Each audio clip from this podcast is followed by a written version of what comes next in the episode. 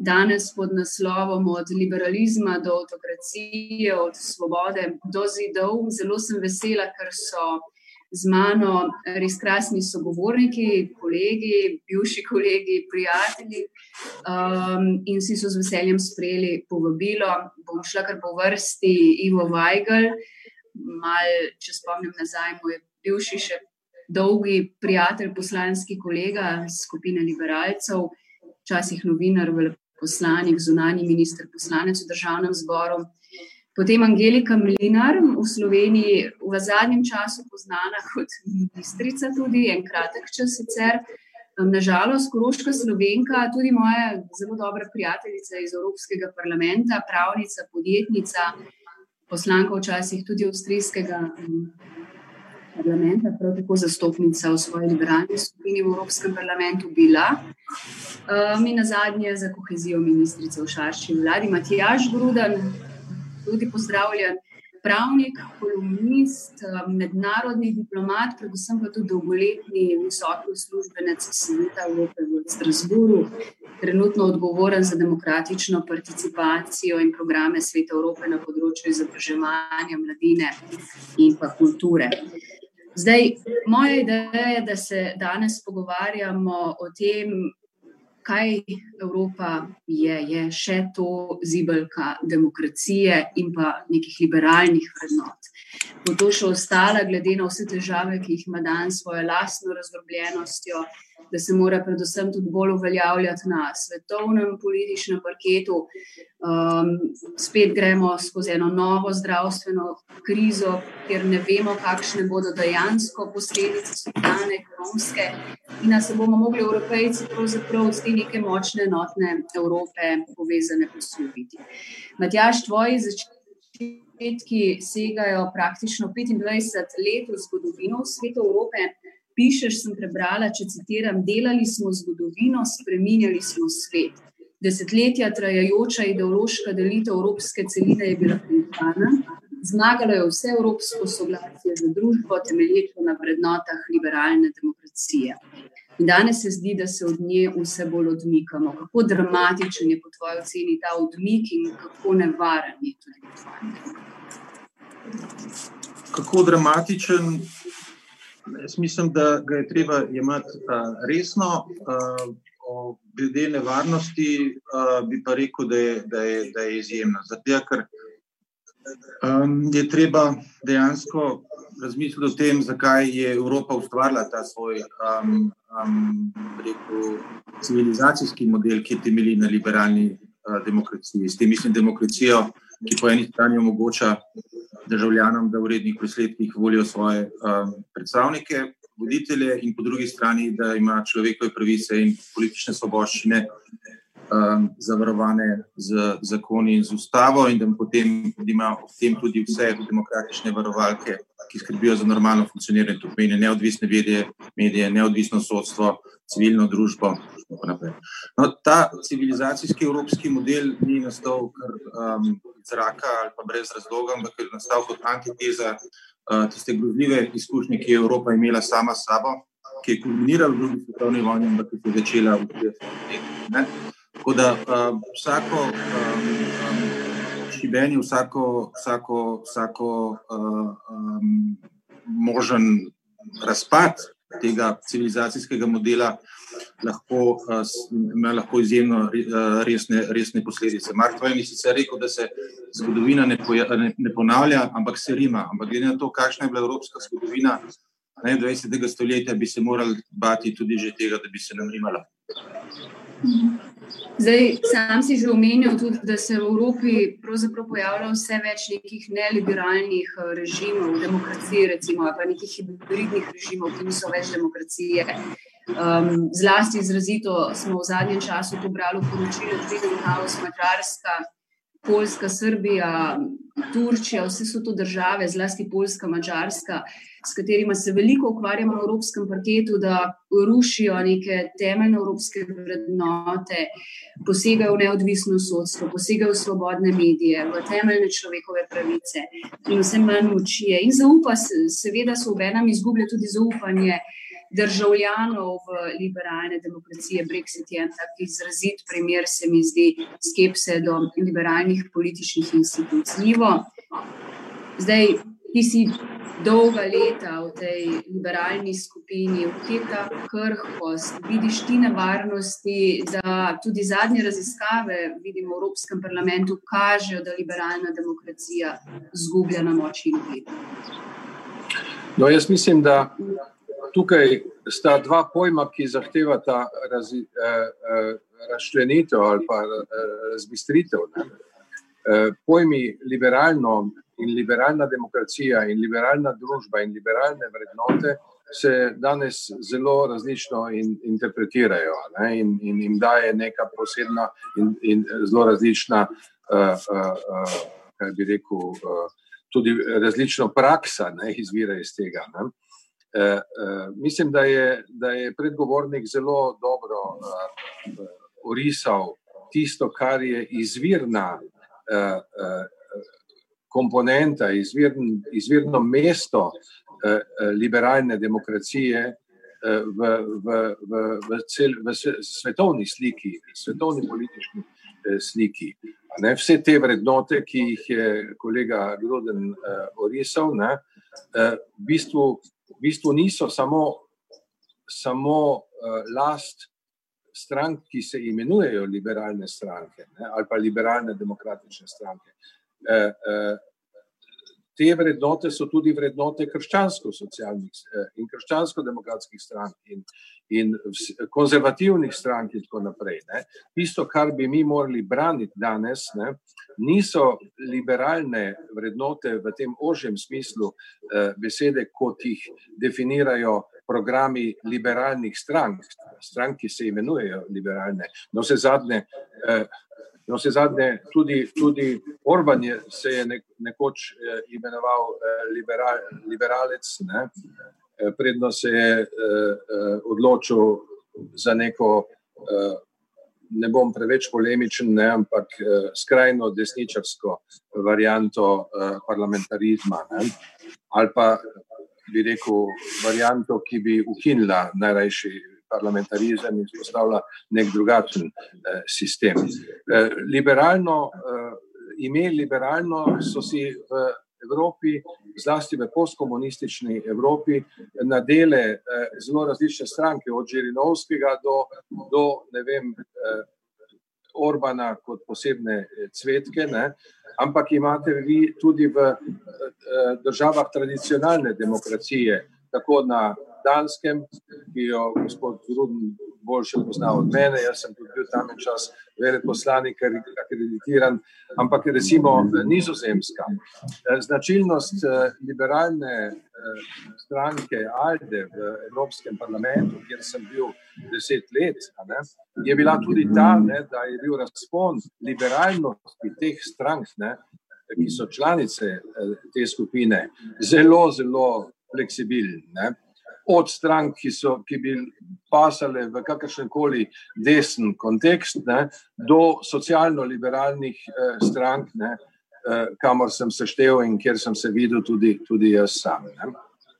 Tako da mislim, da imamo danes eh, v svetu za opraviti, zlasti pa v Evropi, z spopadom strank, ki še verjamejo v te eh, klasične vrednote liberalne demokracije, ne v strankarskem smislu, ampak v smislu neke inkluzivne eh, parlamentarne demokracije z znanimi vrednotami ne, in, in, in tistimi drugimi, ne, ki, ki, pa, ki, pa, ki pa pravzaprav peljejo Evropo v nove delitve, ampak to je verjetno nova tema in ne bi šel Eh, eh, poglabljati to. Čeprav verjetno je neizogibno to, da, da, da rečemo nekaj o tem, da tista nevarnost, ki danes eh, grozi Evropi, mogoče najbolj, je to, da se Evropa ponovno razdeli na vzhod in zahod, in pri čemer bo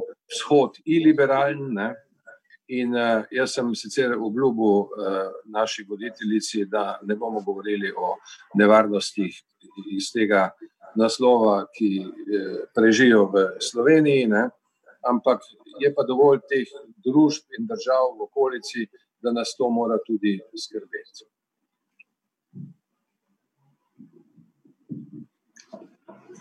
Mikrofon. Hvala lepa, hvala Ivo. Bomo vseeno v nadaljevanju, kakšno mogoče vsaj mi dva rekla, vsaj glede na stanje v Sloveniji, to, kar si se že dotaknil, ampak jaz bi se k Angeliki vrnila.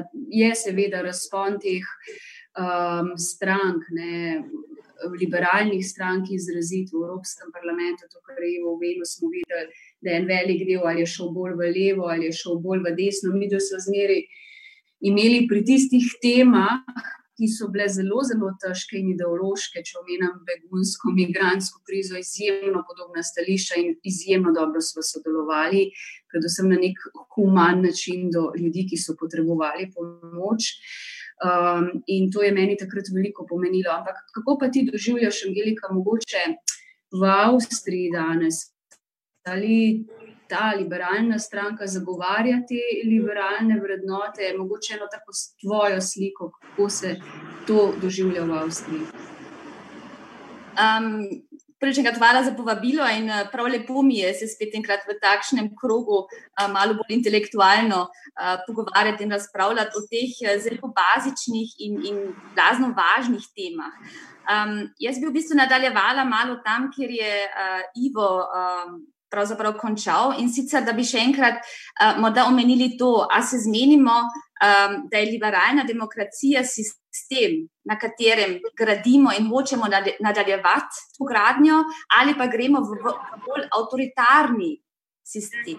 Jaz mislim, da je to zdaj tista debata, ki smo jo pa posebej tudi doživeli zdaj, kot si pravilno omenila na začetku, eh, Titanja, da je ta zdravstvena kriza seveda eh, privedla do tega, da so se pač v bistvu ti avtoritarni elementi v raznih državah in jaz bi tukaj malo ugovarjala tebi, Ivo, za me to ni zgolj razkol vzhod-zahod, ampak imaš tle zelo mešane sisteme tudi uh, v drugih predeljih Evrope. In Avstrija je itak ena taka um, država in ta konglomerat. In mene najbolj šokiralo v, v, v tem času dejstvo, da ima Avstrija kot pravzaprav, kako bi rekla, demokracija, ki je um, fundirana in ki ima eno tradicijo, uh, nima um, zelo izurjenega in funkcionalnega parlamentarnega sistema, to je v, v Sloveniji dosti uh, bolj živ parlamentarizem, kot je to v Avstriji, ampak demokracija kot takšna pravzaprav bi morala biti relativno stabilna,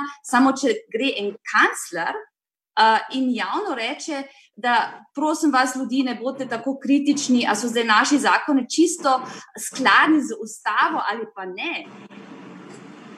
Potem je to za me en takšen znak, da tukaj pa že veliko manjka. Namreč uh, razumevanja tega, da vse vlade uh, v demokratičnih ali pa recimo v zahodnih demokratičnih uh, državah bazirajo na hierarhiji zakonodaje. In v bistvu moč in, in, in avtoriteta in legitimnost uh, izvoljenih vlad, uh, se mora v bistvu, v bistvu seveda uh, znati um, legitimirati s tem, da je to v skladu z najvišjim sistemom in to so pač ustave. In če se to enkrat začne podirati, potem imamo dejansko en sebinski problem. Tako da bi rekla, da je ta naša kriza v bistvu eh, dosti tega uh, pokazala, kje stojimo, in tudi tega, ali smo pripravljeni in ali imamo dosti moči, da se obranimo temu. In če samo zaključim s vprašanjem, oziroma odgovor na to vprašanje. Um, Neos, kot liberalna stranka, majhna opozicijska stranka v Avstrijskem parlamentu, se tega striktno drži. Tako da ta če se samo osredotočimo na to, da je to pač liberalna uh, stranka.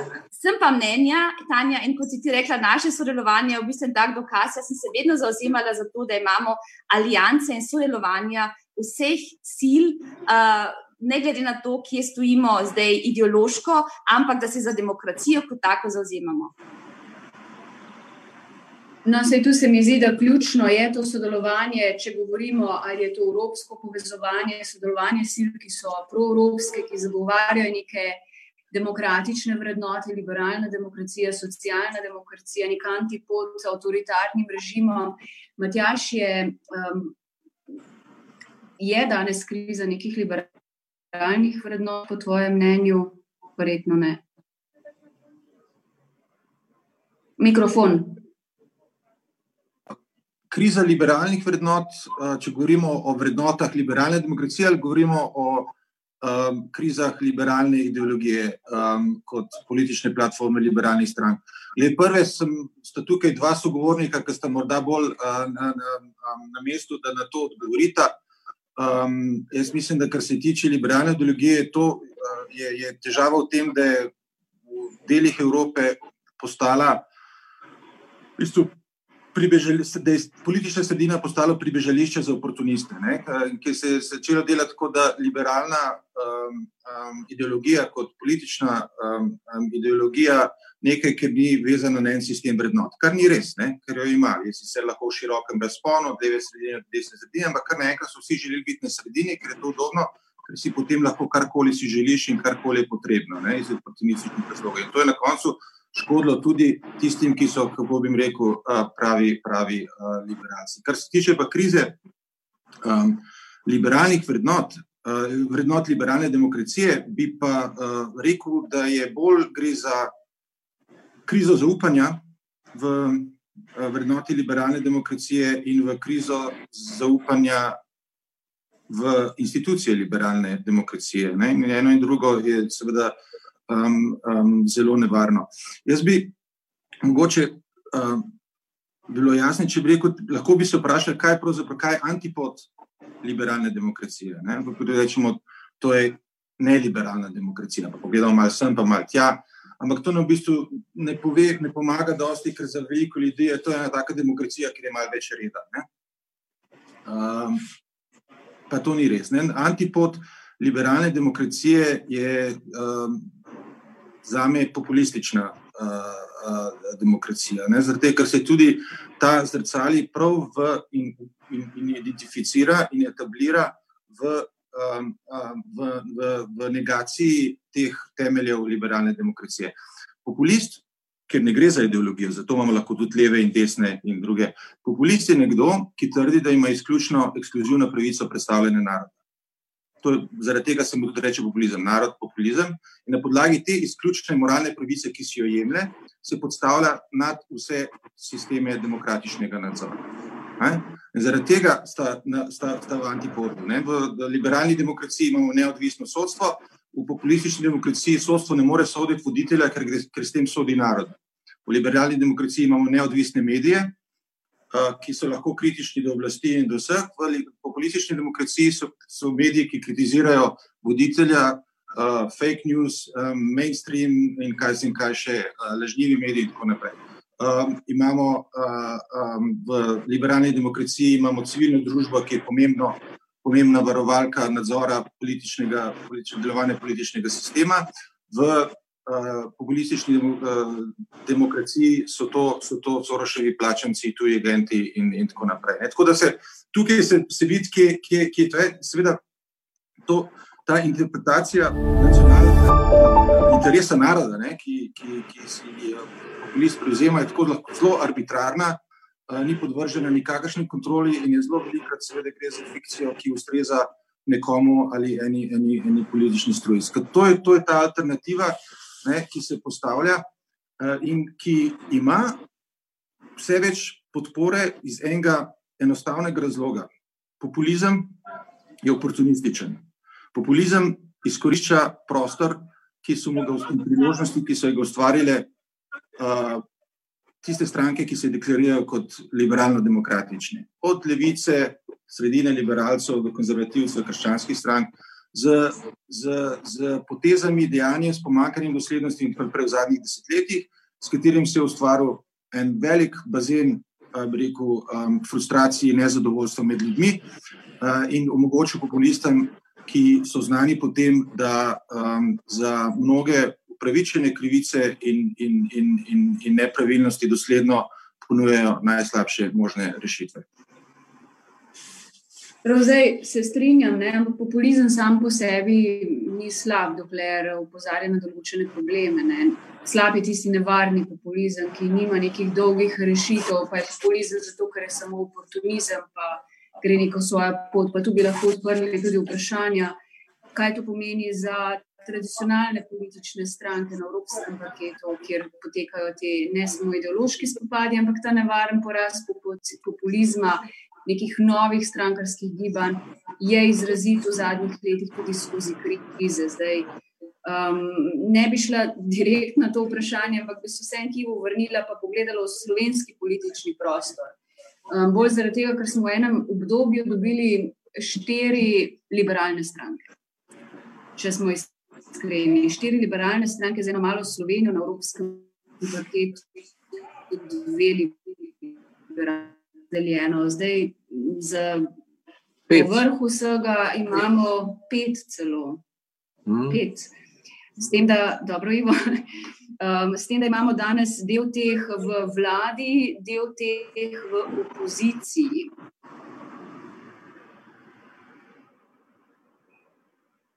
da izstopaš iz desno, ker stranka ni več stranka upokojencev, da se s temi težavami ne ukvarja več, da potrebuje novo vodstvo. Zdaj, Ne, eh, prekinitve so na audio. Je, je v novi vladi. Aha, se upravičujem, zdaj pravim, da Desus ima novo vodstvo, je v novi vladi liberalci so v Sloveniji tudi zgleda izrazito razdeljeni, glede na stranke, na mehko Slovenijo, glede na to, kam katera gre. Kako ti gledaš to dejstvo, da, so, da je liberalna tvoja bivša stranka del vlade, ki pa danes vendarle krši do neke mere ali pa se odmika od evropskih vrednot, če rečem tako? No, jaz mislim, da je, da je uh, sodelovanje v v populistični vladi in z populistično stranko, nekaj, kar je za stranko, ki hoče biti liberalna in na evropski ravni, ki hoče biti eh, članica Evropske liberalne demokracije. V tem konkretnem primeru Desus je član eh, Evropske demokratske stranke. Za boljše razumevanje, mogoče moram to pojasniti, eh, stranka ALDE je liberalna stranka, ki pa je sestavljena iz dveh komponent. Eno je Evropska demokratska stranka, drugo je, drugo je tista stranka, ki se imenuje ALDE. Članice ALDE od slovenskih strank so SMC, eh, LDS, eh, stranka bivšega premijeja Šarca in, in, in Torej, to so, član, to so šte štiri. Ne? In eh, medtem ko je Desus, članica Evropske unije. Ivo Sab. Kako? Sab, Sab, ja, pardon, pardon, bravo. bravo. Ne, ena mi je manjkala, pa. ja, in Sab. Ne? Desus je pa članica Evropske demokratske stranke. Vsi skupaj pa te, te neke eh, skupne kape, ne, ki, je, ki je pač bila Alde, zdaj pa se imenuje nekako drugače. Eh, obnovimo Evropo nekaj takega. Ne. To je najbolj začasno ime, potem se bo pojavilo kakšno drugo. Ne. To je del tega pragmatizma, pravzaprav liberalnega, ne, ki je na nek način tudi simpatičen, na nek način pa moteč. Ne. Mi smo naj, naj naredili na tako stran pot. Ne. Uh, uh, Angelika se bo spominjala, ne, kako smo mi v tej ALDE, parlamentarni skupini, glasovali vedno maurično. Ne. Eh, bistvo je bilo te skupine v tem, da je tolerirala razlike ne. Eh, in da smo nekako držali neko ravnovesje, da ne bi, da ne bi, bila, da ne bi bile te razlike pretirane. Ne. Vsekakor pa v našem pojmovanju liberalizma je sodilo to tudi, da imaš lahko svoje mnenje in da te nihče zaradi tega ne bo preganjal ali pa se skliceval na nek demokratičen centralizem ali pa, ali pa kar, kar diktat eh, strankarskega vodstva, ne, ki je sicer značilen za nekatere velike stranke. Eh, zdaj, govoriti o, o desusu, moram reči, da ne rad govorim, zato ker sem jaz iz te stranke izstopil. Uh, in to ravno zaradi razlogov, ker se mi je zdelo, da da notranji odnosi niso bili eh, liberalni. Eh, še manj to mislim danes. Eh, mislim, da eh, nasploh je problem eh, tega, spet o čemer je govoril kolega Gruden, ne? identifikacije ljudi z stranko oziroma z vrednotami. Ne. Bojim se, da da je eh, za današnji svet pravzaprav značilno, kjerkoli, o kjerkoli državi govorimo, da so te identifikacije izredno šibke, ne, vezane na, na osebe, ne, ki so lahko bolj ali manj populistične, bolj ali manj uh, uh, simpatične, nekateri, nekateri gradijo na, na osebni lepoti, se petkrat pogledajo v gledalo, predno zjutraj reč, izrečejo prvi stavek. Nekaj takšnih imamo tudi v Sloveniji. Uh, uh, v vsakem primeru pa je v današnjem času daje, dajejo barvo populisti, tudi v Desusu, kar si me vprašala, ne, tudi tukaj, ne, ampak v, pravzaprav v vseh, v vseh strankah. Ne, in, pa, in pa dejstvo, da ljudje če dalje manj razumejo tisto, kar je bistvo politike. Ne. Bistvo politike pa je pa socialno-ekonomski položaj posameznika. Ne. Ta, eh, razumeti te stvari je privilegij eh, peščice ljudi, ki lahko ljudi zavajajo. Recimo, kdo razume, kaj bo Slovenija naredila z temi silnimi milijardami, ki, ki so v zraku. Bodi si, da govorimo o, o teh zadnjih petih milijard, ki naj bi prišle iz Evropske unije, pa ne vemo, kdo in kdaj jih bo odplačal, ali pa teh kreditov silnih, ki smo jih najeli in ki bojo plačevali naši vnuki in pravnuki. Ne. Podobno, seveda, se dogaja v vseh drugih evropskih državah, ki, ki, eh, kjer, kjer se je reševalo predvsem Eh, gospodarstvo, manj pa gledalo na celoto tega nekega socioekonomskega položaja, rekel bi, majhnega človeka, ne, tega državljana. Ne. Državljan več ne razume politike, ne, nikjer. Ne. Zato lahko politik bodi si trampa ne, po, po, po svojih voljivcih ali, ali, ali pa jih eh, eh, zakamuflira svoje početje. Ne, v, v neke uh, uh, nikomu razumljive uh, številke in, in njihove interpretacije. Ne. Demokracija je če dalje dlje od, od razumevanja ljudi, in, in to mislim, da je temeljni problem na neki globalni ravni. Ne. Ne vem, mogoče so kakšne države, kjer, kjer je demokracija še vedno razumljiva. Zdi se mi, da je, da, je, recimo, da je Švedska še vedno takšna. Jaz sem na švedskem Eh, štiri leta preživel in še vedno se mi zdi, da je to bil en model, ki je bil dokaj blizu eh, nekemu eh, normalnemu razumevanju politike. Vsekakor mi v Sloveniji trenutno imamo en model, ki ga ne razume niti gospod. Jaz bi rekla ne samo, da ga ne razume, ampak se mi zdi, da je neka splošna apatija ali mogoče nezaupanje do politike, eno razočaranje nekaj, kar bo nedvomno treba zelo resno naslavljati, kako dobiti ljudi nazaj, kako povrniti zaupanje tudi v te politične sile, da ne bo populizem ali pa nevarni populizem ali pa celo nek nacionalizem ali pa avtoritarni režimi tisti, ki bodo to Evropo.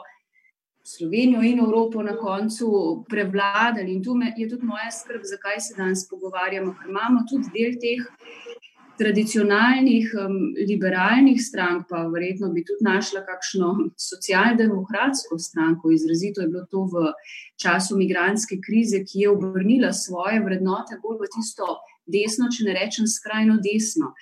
Zdaj, Angelika, ti um, vidiš tu nevarnost, da ta del liberalne demokracije ali pa um, zdaj omenila sem migransko krizo, tudi socialne demokracije včasih podpira svojimi glasovi te nevarne avtoritarne režime ali pa nevarne populizme, ki danes nekje krhajo in razjedajo v Evropi. Jaz se strinjam s tabo. Ne? In to je v bistvu tudi v, v prejšnjem mandatu, ko smo vsi trije bili še v Evropskem parlamentu.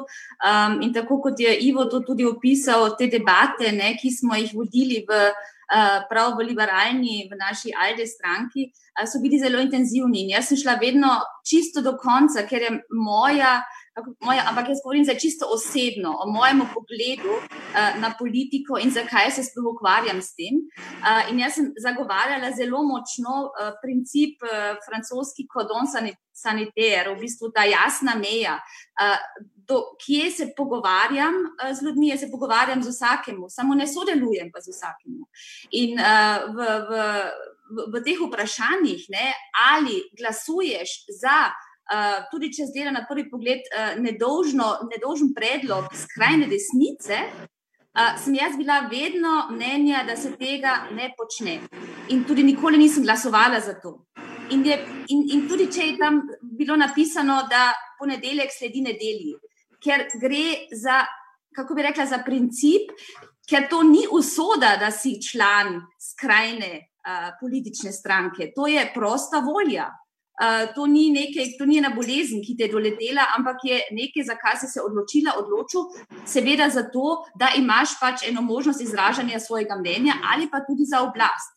In zdaj pridem pa do druge te točke, ki si jo uh, omenila in sicer kdo kdaj sodeluje, pod katerimi pogoji s kom. Uh, in uh, v bistvu, seveda, vrednote ali pa integriteta uh, posameznika, jaz mislim, da jo niti ne moremo uh, v bistvu preložiti na celotno skupino. Ne moremo reči, da ne vem, socialdemokrati ali pa liberalci so pa boljši ljudje, ker si. Ampak samo individualni uh, akteri v posameznih eh, strankah oziroma posamezni politiki. Uh, samo posameznega človeka lahko oceniš po teh kriterijih. To je moje osebno prepričanje, in uh, bolj, ko gledam uh, dogajanja, mislim, da je tako. Pragmatičen pristop je pa potem dosti krat ta, da grem v koalicijo. In to smo doživeli pač spomladi v Sloveniji, ker sem tudi jaz osebno bila kar upletena v te pogovore, kaj se bo zgodilo potem tudi z SMC-jem, glede na to, da so učlanjeni v, v Alde stranko, če gre v takšno koalicijo, kjer je pragmatičen pristop pač ta, da gre za v bistvu. Možnost, da svoje ideje morda uresničiš, in imaš, pa, ker imaš oblast. Ampak to so filozofska vprašanja, ki jih dejansko lahko na to odgovori samo posamezni politik. Jaz mislim, da je bila to velika napaka, ampak ni bila moja napaka in za, za stranko, za katero sem jaz bila kandidatka za evropske volitve in za katero sem bila tudi ministrica v Sloveniji za stranko Alenke Bratušek, za nas je bilo jasno, da se take koalicije ne bomo dotaknili. In uh, je to seveda tudi, ne vem, za, za tako majhno stranko. Bolj trda pot, ampak jaz mislim, da je pravilna, in jaz dejansko upam, da bodo, da bodo to voljivci in voljivke potem tudi enkrat videli. Zdaj, če bi kdo želel kaj pokomentirati, drug drugega, dobro, do... Matjaš, prosim, ja, sej.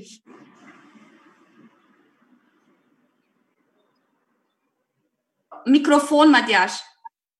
Če se lahko malo vrnem na tisto, kar je bilo prej um, povedano, tako da strani uh, Iva Vagla, tebe, Tanja. Uh, Prvič, jaz mislim, da ni nevarnega populizma. Kaj bi rad bil jasen? Ne? Ta ideja, da je populizem a, politika, ki a, sliši, razume in se odziva in skrbi za a, težave malih ljudi, a, je prvi zavajajoč, drugi je pa zelo nevarna za, za vse ostale, ker se potem postavlja vprašanje, zakaj pa skrbijo druge politike, ne? kaj pa delajo druge politike.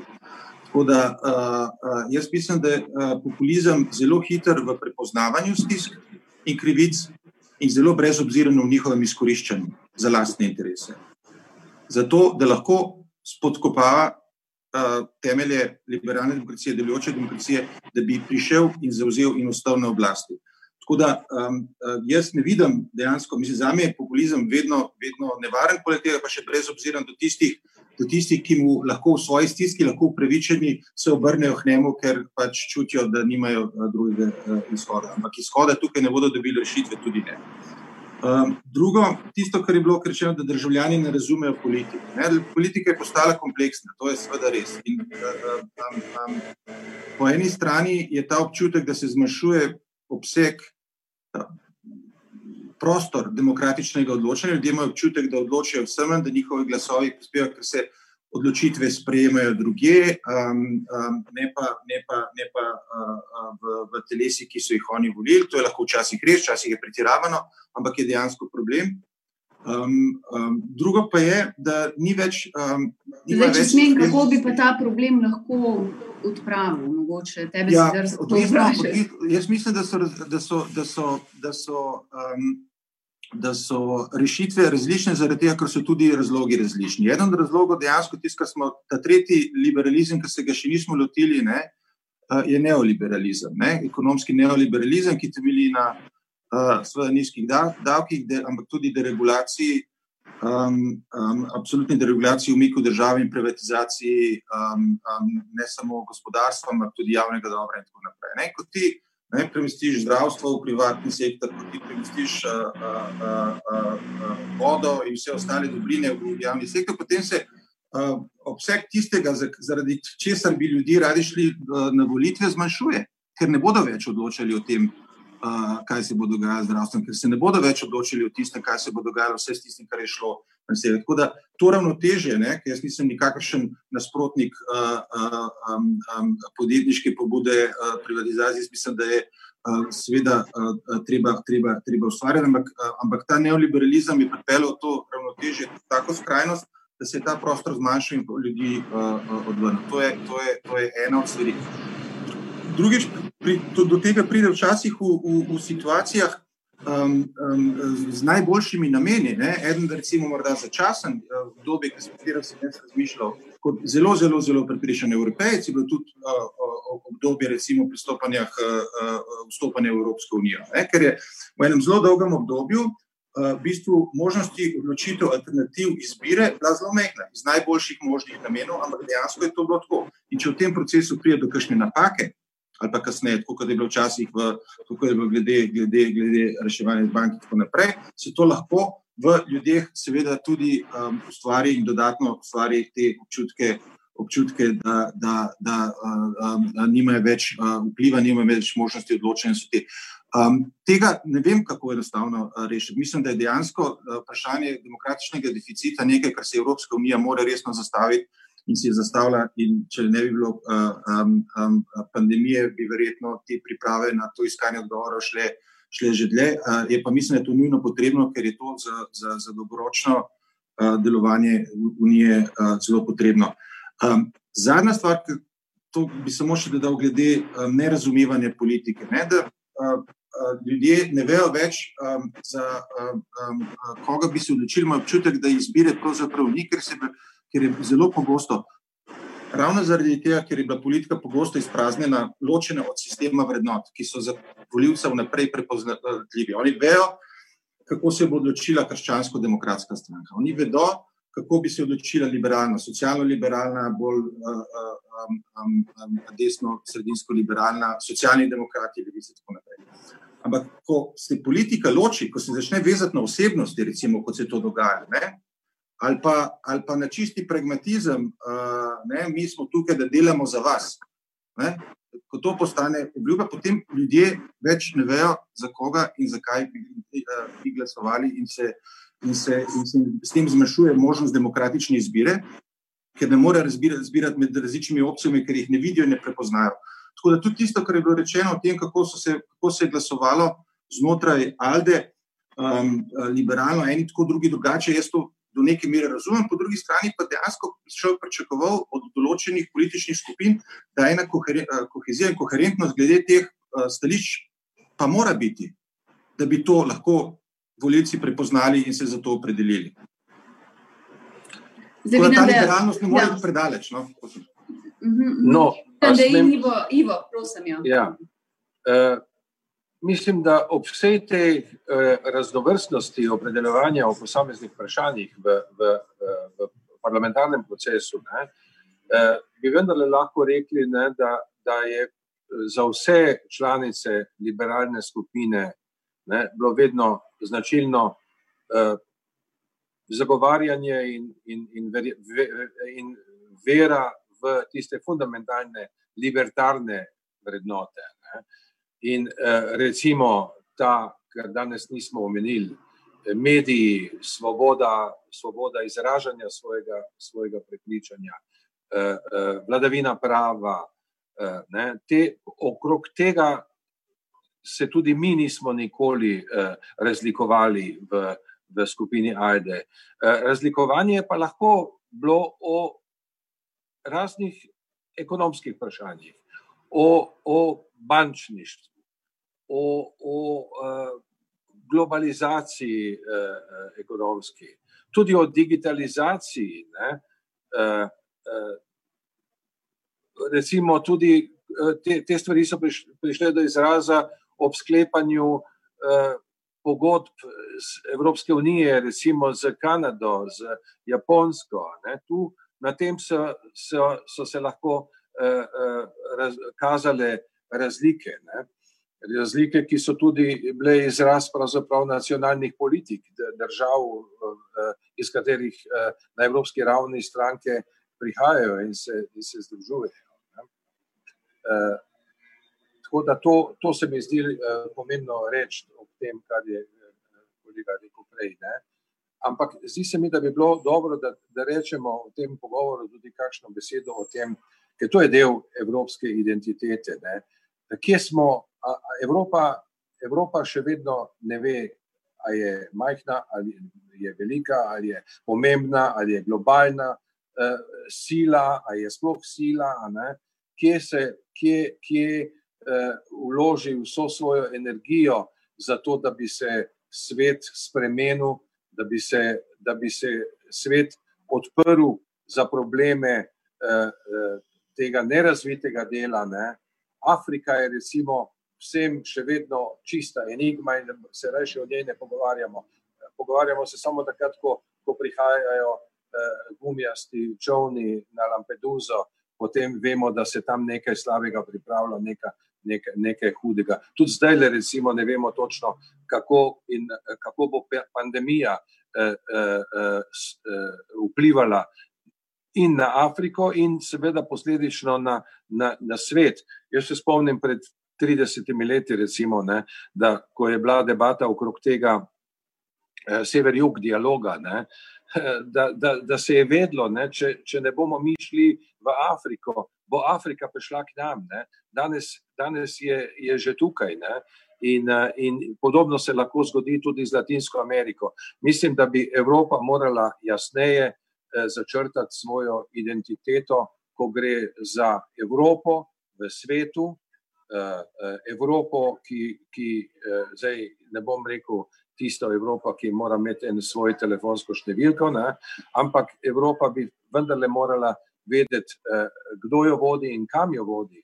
Recimo, mojih deset let v Evropskem parlamentu je bilo deset let razočaranja nad tem vodstvom Evropske unije, ko gre za eh, zunanje politična mednarodna vprašanja in pripravljenost eh, Evropske unije, da se angažira tam, kjer so krizna zarišča, ki se preko slej razvijajo v globalni spopad, recimo na Bližnjem vzhodu.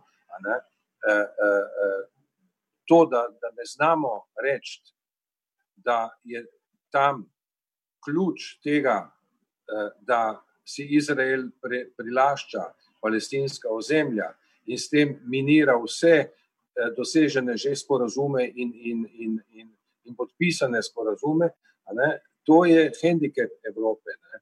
Eh, tudi na drugih delih, recimo, kaj počnemo v Afganistanu, kje smo samo kot vodonoše prisotni, zaradi tega, ker nekdo v, znotraj NATO izbira cilje svojega angažiranja, mimo in preko tistega prvotnega mandata, zaradi katerih je organizacija nastala. Uh, jaz mislim, da je tukaj uh, vel, veliko, veliko vprašanj ne, o tem, uh, kako bo ta Evropa se znašla danes. Recimo, prej je bilo še relativno enostavno, ker sta bila dva pola, je bila Amerika, je bila, je bila Sovjetska zveza, pozneje Rusija. Ne? Zdaj je vsaj trio tam. Ne? Ne? In, in, in uh, jaz mislim, da je Evropa bi morala biti vsaj del kvarteta, ne? ko, ko že gre za globalne odnose ne? v, v svetu. Če že ne, včasih tudi solist, ko gre za. za za aktivnosti, v katerih bi bila eh, pomembna eh, eh, angažma Evropske unije, temelječ na tradicionalnih vrednotah Evropske unije in evropskih držav. Te so največ, kar imamo tukaj in kar je naša prednost v svetu. Verjetno bo pa, bom dala Matjaž besedo, Evropa se res težko izvila iz tega um, krča ali pa neke z te podobe danes, ki jo ima, da ni močna, enotna, dokler ne bomo uspeli premagati teh avtoritarnih, desničarskih nekih režimov, če pogledamo, ne vem, fašizme, ljudi, ki se spogledujejo s fašizmom Salvinija, samodržništvom, Orbana, populizmom Faraža. Zdaj, Matjaš je preomenil, sam se omenil osebnosti, se ljudje bolj navezujejo. Veliki izziv za politiko. Ne vem, Angelika, si želela to nadaljevati, kaj to za Evropo pomeni, pa potem Matjaš. Uh, čisto kratko, jaz bi replicirala malo na to, uh, kar, kar si ti, Matjaš, rekel in kar si ti zdaj omenila, Tanja. In sicer v bistvu zelo važna izjava, s katero se popolnoma strinjam, da noben populizem uh, ni dober. Ker uh, za me, uh, če to opazujem, kako se pač populistični politiki. Uh, Obnašajo v razliki do drugih nas, je pač v tem, da pri populističnih politikih je tako, ali si z mano, ali pa si sovražnik. Se pravi, da v bistvu dejanskega um, dialoga uh, v smislu konkurence idej, tega to ne obstaja. In to je najbolj uh, dramatičen razvoj za demokracijo, ker potem imaš pač te pozicije. Dejansko tako zabetonirane, da tudi ne moš več pre, premestiti ali premostiti uh, teh razlik. Uh, meni gre v demokraciji, v odprti uh, družbi za to, da imamo različne poglede na svet, ampak da smo na koncu pripravljeni na kompromis. O kompromisu uh, kot baza za uh, demokracijo, o tem še niti nismo govorili. Jaz sem velika pristašica tega, uh, ker uh, seveda vsak od nas najbolje ve, kako bi svet uh, najbolje funkcioniral, ampak konec koncev lahko ugotovimo, če smo uh, koliko toliko razgledani, le to, da imamo da drug, ki ima dobro idejo, tudi prav uh, o tem. Na koncu uh, uspešnega dialoga uh, in, in razprave mora priti do kompromisa.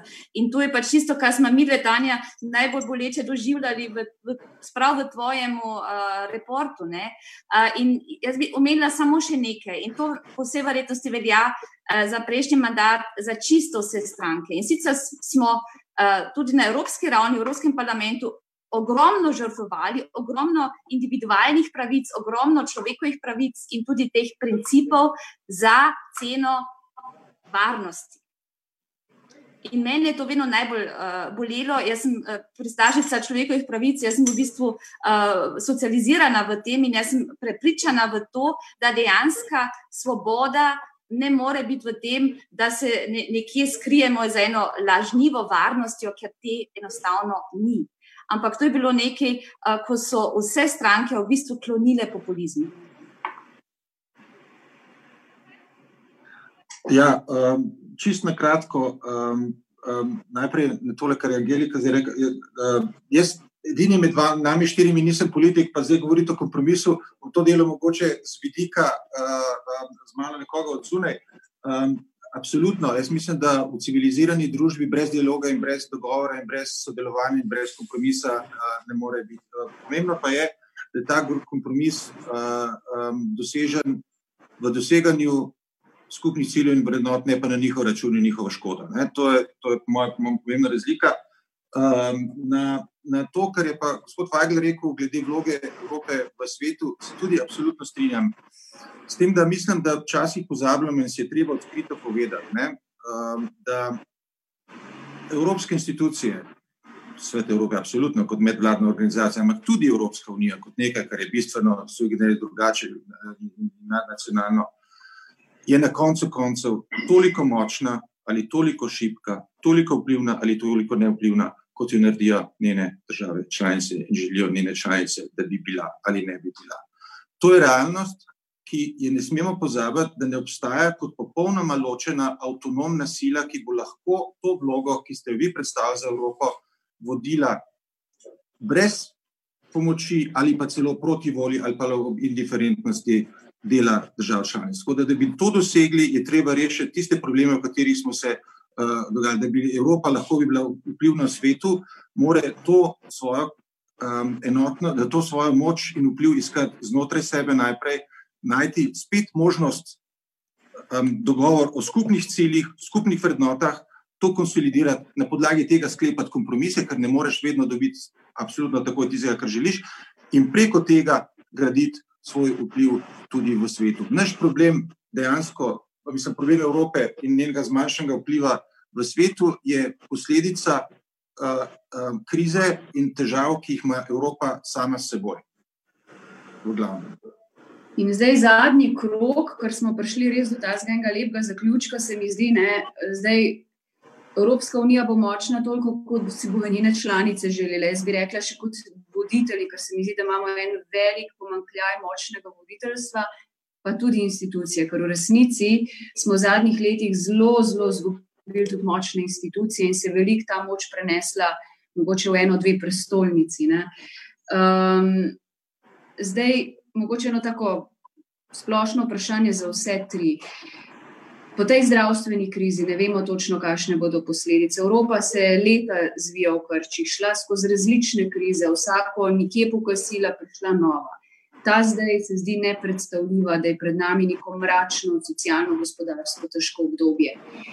Včeraj smo dobili neko sporočilo, da bomo imeli um, finančne injekcije, tudi donacije državam, da bo in da je spoznana solidarnost. Zdaj, ali bo to dovolj ob vseh odzivih, o katerih smo v zadnji uri govorili, avtoritarnih, neoliberalnega, ekonomskega neoliberalizma, načenjanja vrednot kot so demokracija, svoboda medijev, vladavina prava, nek razkroj temeljnih evropskih vrednot. Bo Evropa iz te situacije po zdravstveni krizi lahko, po vašem mnenju, išla? bolj močna in enotna, ali tu še nimamo odgovora. Ivo, mogoče Angelika Matjaš. Torej, jaz verjamem v to, da bo Evropa, eh, Evropska unija obstala. Verjamem celo, da se bo širila, verjamem, da se bo širila tudi na države eh, Balkana, na bivše Jugoslavije. Eh, tega upanja jim ne smemo odvzeti, ne, je silno pomembno, da to perspektivo vključitve v evropske eh, integracije zadrži. Rekl bi pa samo še eno besedo okrog tega. Ja, seveda, Evropa je močna samo toliko, koliko ji dajo in evropskim institucijam, koliko pooblastila, koliko prostora ji dajo države članice.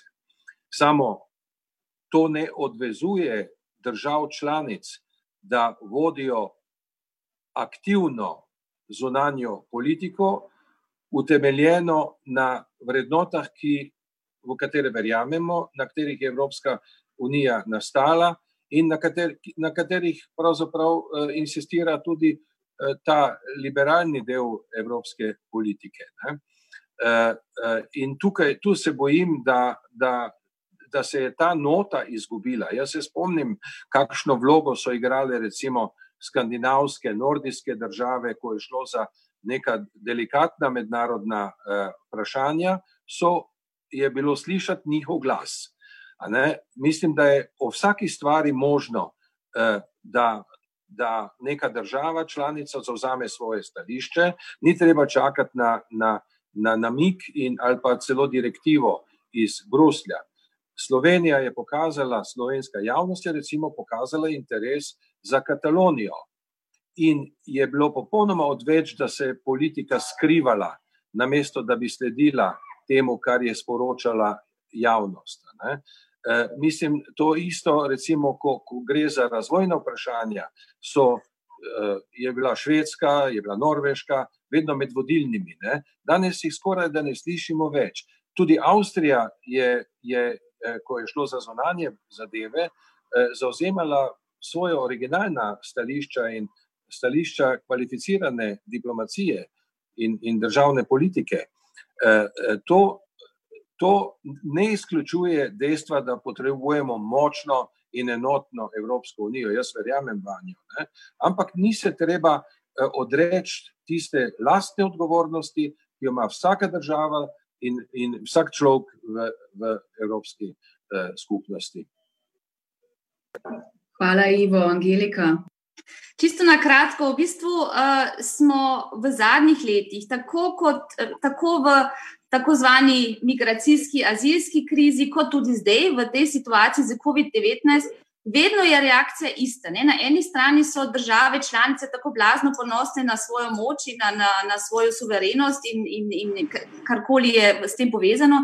Istočasno, v tem trenutku, ko se pa pojavi en ve, večji problem, je pa.